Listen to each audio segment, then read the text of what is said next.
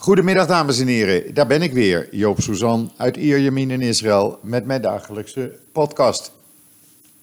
Ja, uh, het mag dan wel komkommertijd zijn, maar ik heb weer een uh, hele rits met onderwerpen die ik uh, met u wil bespreken. Laten we het zo maar zeggen. over het weer ga ik het niet hebben, het is nog steeds 35 graden, blauwe lucht, een zwak briesje. En dat blijft gewoon zo de komende tijd. Dus uh, nee, het zeewater is 30 graden, dan weet u dat ook. Uh, de UV-straling is extreem, zegt men. Goed, eerst even dit. Uh, voor de moslims is Eid al-Adha, het offerfeest. Dat is gisteren begonnen. Maar dat betekent dat, zoals ik gisteren al zei, de, de Palestijnse arbeiders die in Israël werken, en dat zijn er zo'n 100 tot 130.000, legaal de meeste en enige tienduizenden illegaal, zegt men, die, eh, ja, die werken niet. Uh, die hebben gisteren niet gewerkt en die blijven tot woensdagavond uh, thuis uh, feest vieren. Dat geldt ook voor de Israëlische moslims natuurlijk. En daardoor ligt in Israël de bouw grotendeels stil. Is er minder transport. vooral die uh, iedereen die in Israël is geweest, die, die, die weet wat ik bedoel. Die uh, vrachtwagens met aanhangers vol met zand, die her en der over uh, door het hele land rijden, die zie je bijna niet meer. Want het zijn voor, voornamelijk Arabische chauffeurs. Maar goed, dat hoort ook bij Israël. En het toont maar weer eens aan dat respect voor religie wordt hier echt gehonoreerd, om het zo maar te zeggen. Dat geldt ook trouwens voor de Joodse feestdagen, want dat wordt gerespecteerd door uh, alle moslims. Je kan het ook zien nu in de shoppingmall hier bij mij in de straat. Daar uh, lopen honderden Palestijnen of Arabieren, laat ik het zo zeggen, uit Arabische plaatsen rondom Netanya. En die gaan gezellig hier winkelen en lekker eten. En dat ja, hebben ze ook een uitje. Goed, dan joods.nl. Uh, er staat weer een hele, heleboel op. Uh, allereerst, uh, na de heropening gisteren van de Tempelberg voor Joden, bezochten 1729 Joden de Tempelberg. Nou is het niet zo dat ze uitgebreid over die Tempelberg gingen lopen. Ze kwamen via een ene ingang erin en werden door de border police begeleid naar, on, uh, een stuk verderop naar de uitgang. Natuurlijk uh, vonden moslims het nodig om de Joden uit te, uh, uit te jouwen en onder het roepen van Allah Akbar. ja, wat moet je daar nou mee? ik bedoel, het is een plek als zij zeggen om te gaan bidden. Nou, dan moet je daar gaan bidden. En dan moet je geen rel schoppen. En dan moet je geen Joden uit, uh, uitjouwen. Maar goed, uh, hun, uh, hun opdrachtgevers waren de religieuze leiders in Jordanië en in de Palestijnse gebieden. En de Palestijnse leiders onder leiding van meneer Abbas. Die hadden opgeroepen tot deze rellen. Maar goed, het staat uitgebreid op joods.nl, inclusief foto's en video's. Dan hebben onderzoekers van de Universiteit van Noord-Carolina, moeilijk woord, ik zou er bijna over struikelen, uit Amerika. Die uh, zijn voortdurend bezig met archeologische opgravingen op de berg Sion bij Jeruzalem. En die hebben opnieuw een bewijs gevonden van de vernietiging van Jeruzalem door Babylonië. Uh, wat hebben ze gevonden? Ze hebben nu een klein stukje van een gouden of zilveren sieraad uh, nee, een gouden en zilveren sieraad gevonden.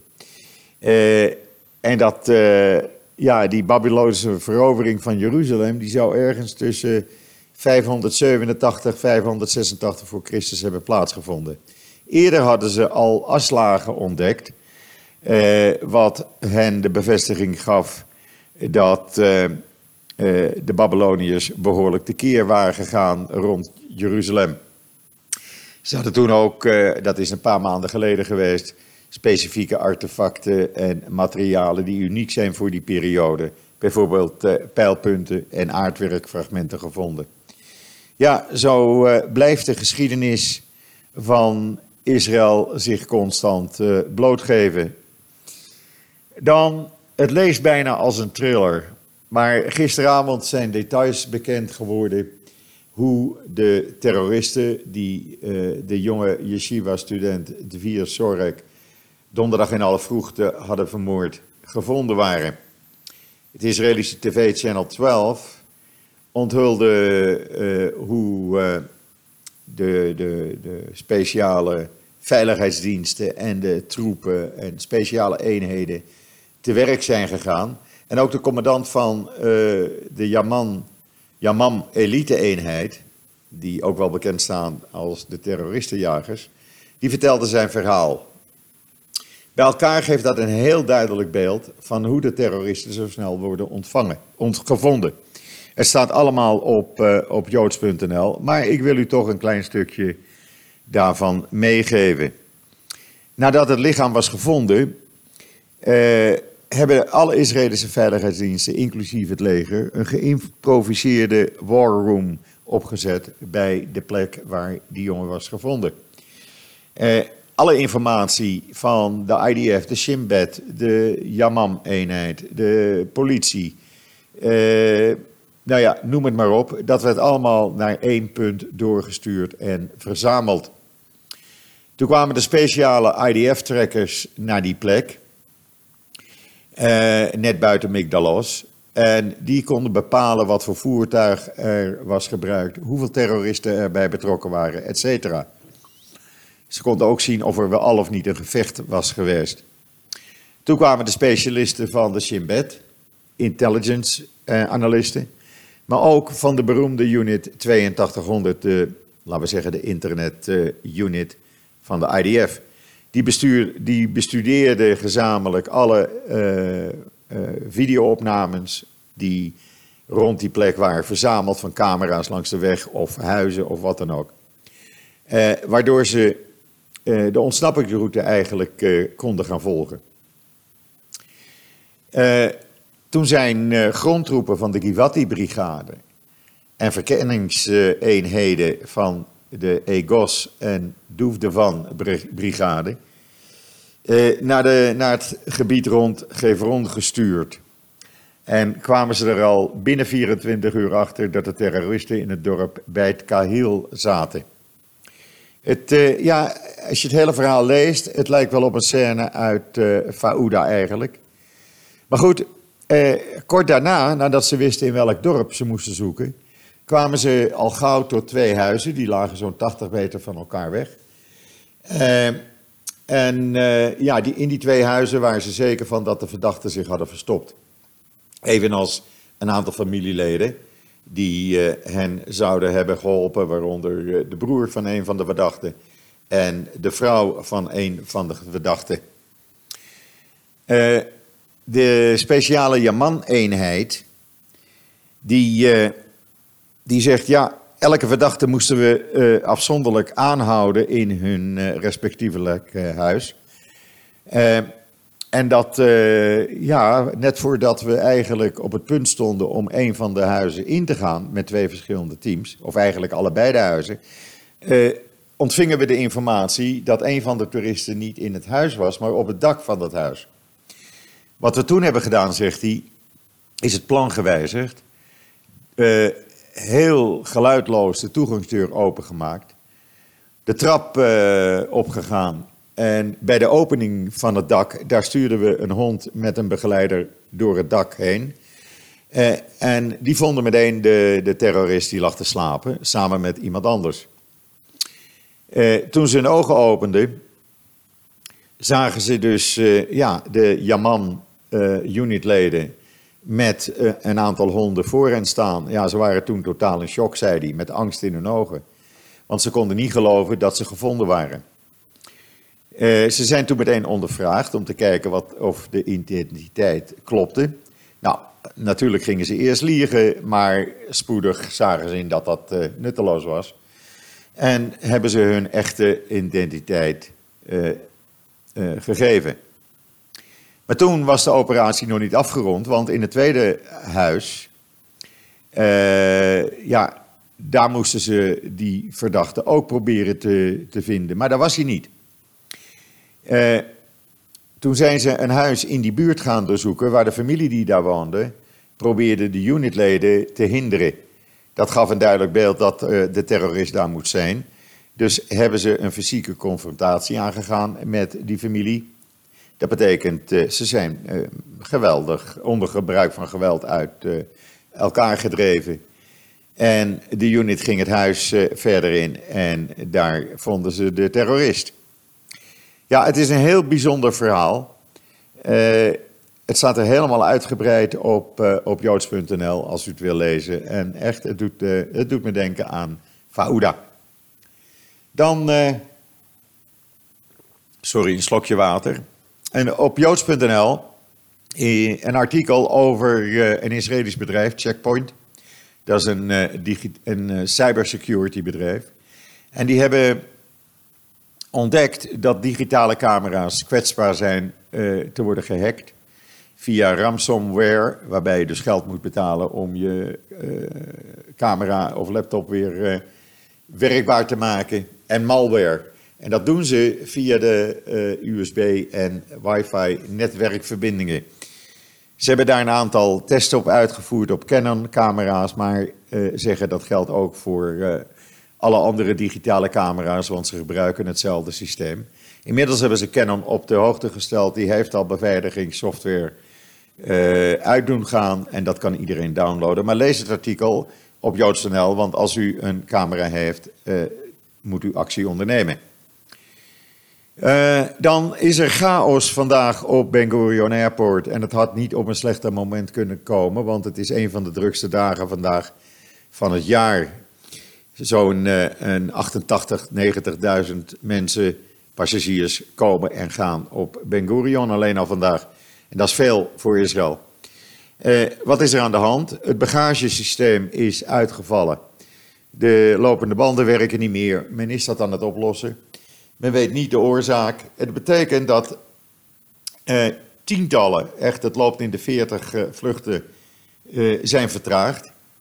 Er zijn een aantal vluchten uh, geland of uh, vertrokken en die zijn, hebben de passagiers ingeladen en de bagage komt dan later wel.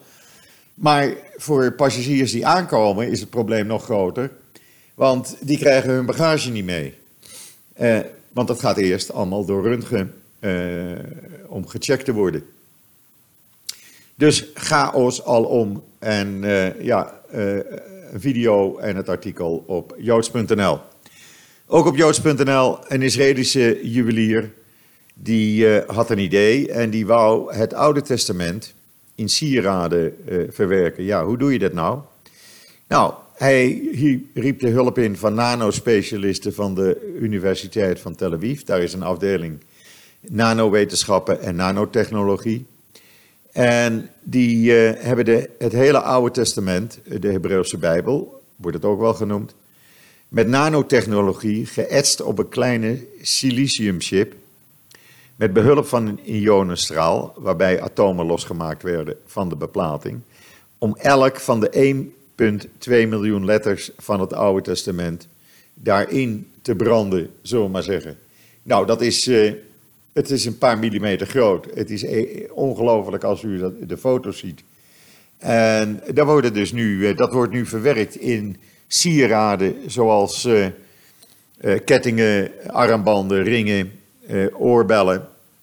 En ja, dan heb je dus het Oude Testament in een, in een sieraad verwerkt. Heel speciaal. nog nooit eerder gezien. En u kunt ze bestellen. De link naar de website staat in het artikel op joods.nl. Dan een artikel uh, op joods.nl dat IDF-recruten uit plaatsen langs de grens met Gaza, die hebben last van posttraumatische stoornissen. Een heleboel jongelui willen bij gevechtseenheden en het blijkt dat ze door de constante uh, stroom van raketaanvallen, geweervuur, uh, granaten, explosies, branden, etc. de stress niet aankunnen en last hebben van posttraumatische stoornissen. Uh, het staat uitgebreid op uh, joods.nl. Ze kunnen wel in dienst, maar dan bij uh, eenheden die niets met vechten te maken hebben. Dan even wat politiek nieuws. Ja, ik doe het toch. Ik weet dat u een aantal van mijn luisteraars daar niet zo in geïnteresseerd is. Maar het is toch wel goed om even te weten met de verkiezingen in aantocht. Uh, de interim-minister uh, van Transport, meneer uh, Smotterig, een ex-settlerleider. En Ayelet Shaket, die eigenlijk zijn partij nu leidt, de rechtse partij URP. Daar zou uh, Netanyahu samen een rechtse alliantie mee gaan, uh, gaan doen. Nou, dat gaat denk ik niet gebeuren, want zij beiden hebben kritiek op Netanyahu op de wijze waarop hij gisteren uh, in eerste instantie verbood dat Joden de Tempelberg op gingen. Zij vonden en vinden nog steeds dat dat toegeven aan terreur is.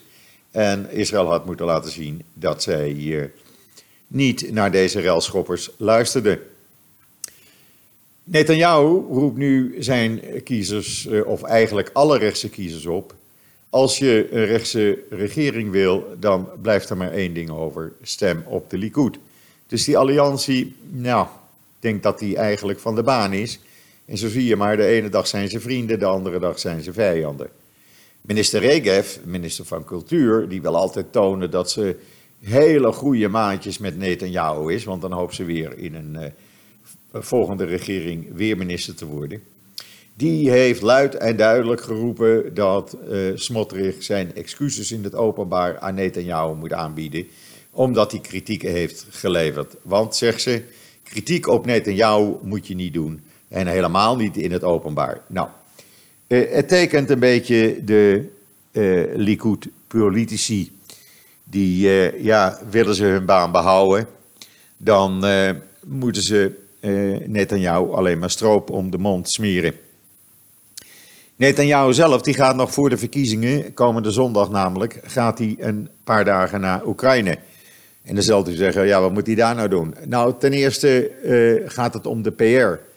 Want er leven natuurlijk honderdduizenden Oekraïners en uh, nog een kleine miljoen Russen in, uh, in Israël. En hij wil die voor zich winnen en bij Lieberman zijn opponent vandaan halen. Hij adverteert nu ook in het Russisch verkiezingsposters. Nou ja, hij gaat zijn gang maar. Hij hoopt ook dat Trump hem nog even gaat helpen voor de verkiezingen. Want ze doen er alles aan, uh, zijn medewerkers, de medewerkers van Netanyahu, om uh, uh, te zorgen dat Trump voor de verkiezingen op 17 april bekend gaat maken dat hij Israël steunt voor wat betreft de soevereiniteit over de settlements. Met andere woorden, annexatie. Eh, of Trump dat gaat doen, we moeten het afwachten. Trump wil zelf ook weer herkozen worden, dus ja, eh, dat is toch wel een probleempje, denk ik. Dan, eh, terwijl eh, Islamic Jihad en ook Hamas eigenlijk opriepen gisteravond tot verheviging van de intifada, maar die intifada die is er niet, noemt Abbas de rellen op de Tempelberg een major provocation of Israël. Beetje raar eigenlijk, want het was diezelfde Abbas en zijn uh, mensen om hem heen en religieuze leiders uit Jordanië en de Palestijnse gebieden, die op donderdag en uh, uh, vrijdag moslims opriepen om zondag te gaan rellen. Maar ja, zo werkt dat nou eenmaal bij de Palestijnen. Zij roepen op tot rellen en daarna is Israël de schuldige. Saudi-Arabië en Qatar hebben natuurlijk ook het geweld van Israël veroordeeld. Maar dat is voor de bühne, neemt u mij, dat van mij maar aan. Want eh, bijvoorbeeld naar Qatar gaan steeds meer Israëlische bedrijven op zaken, zakenreis. En ook met Saudi-Arabië wordt steeds meer zaken gedaan. Dus een beetje voor de bühne, eh, want ze moeten toch wat uiteindelijk. En dan Jordanië. Ja, Jordanië heeft natuurlijk eh, de voortzetting van de Israëlische schendingen tegen de Al-Aqsa-moskee veroordeeld. Want het is agressie van Israëlische troepen, zegt de Jordaanse regering.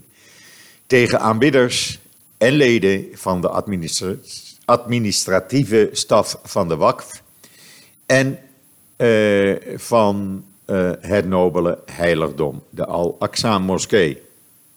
Even voor alle duidelijkheid, de Al-Aqsa-moskee is niet uh, die moskee met die gouden dat gouden dak wat u op de Tempelberg ziet staan. de Al-Aqsa-moskee ligt aan de uiteinde van de Tempelberg, voor alle duidelijkheid. Ehm, ja, dan hebben we de vriend van de EU-bazen, zoals ik hem maar noem. De Iraanse minister van Buitenlandse Zaken, meneer Zarif. Ja, die moest ook weer wat zeggen. En wat zei hij dan wel? Nou, die zei dat uh, Israëli's zijn terroristen. En die noemden het verwijderen van ruilschoppers een crime en tirannie. Over crime en terroristen en tirannie gesproken. Uh, hoe is dat ook alweer uh, in Iran, meneer Zarif? En dan, ja, twee berichten die niet geheel toevallig tegelijk naar buiten kwamen. En uh, ja, dat wordt toch wel hier in Israël een beetje in de gaten gehouden. Want de commandant van de Iraanse Republikeinse Garde, die heeft nu geroepen dat als de Zionisten aan de Amerikaanse missie in de Perzische Golf gaan meedoen, dan komt er een oorlog.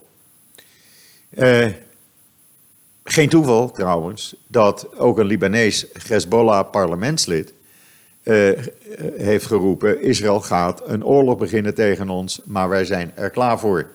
Nou, uh, van dat laatste is geen sprake. Dat Israël van plan is een oorlog te gaan beginnen tegen Libanon, integendeel. Uh, maar Israël gaat wel meedoen aan die marinemissie van de Amerikanen in de Perzische Golf niet met schepen, maar gaat de inlichtingen verzorgen. Dus zorgen dat uh, alle juiste informatie binnenkomt en naar de marinemissie toe gaat. Ja, en dat is ja, meedoen aan die missie. Nou, Israël laat zich er niet van weerhouden en gaat toch meedoen. we zullen zien hoe zich dat, dat gaat ontwikkelen. Dan op 12 september Lionel Richie in Tel Aviv.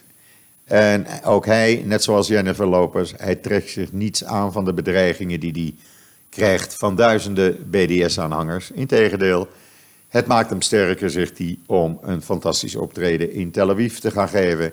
Een stad, zegt hij, die ik uh, adoreer. Nou, dan weten we dat ook. Uh, trouwens, er zijn gesprekken gaande om de Miss Universe-verkiezingen naar Israël te halen volgend jaar. Dat betekent dat ook uh, vrouwen die daaraan meedoen uit moslimlanden waar Israël geen diplomatieke banden mee heeft, daaraan deel mogen gaan nemen.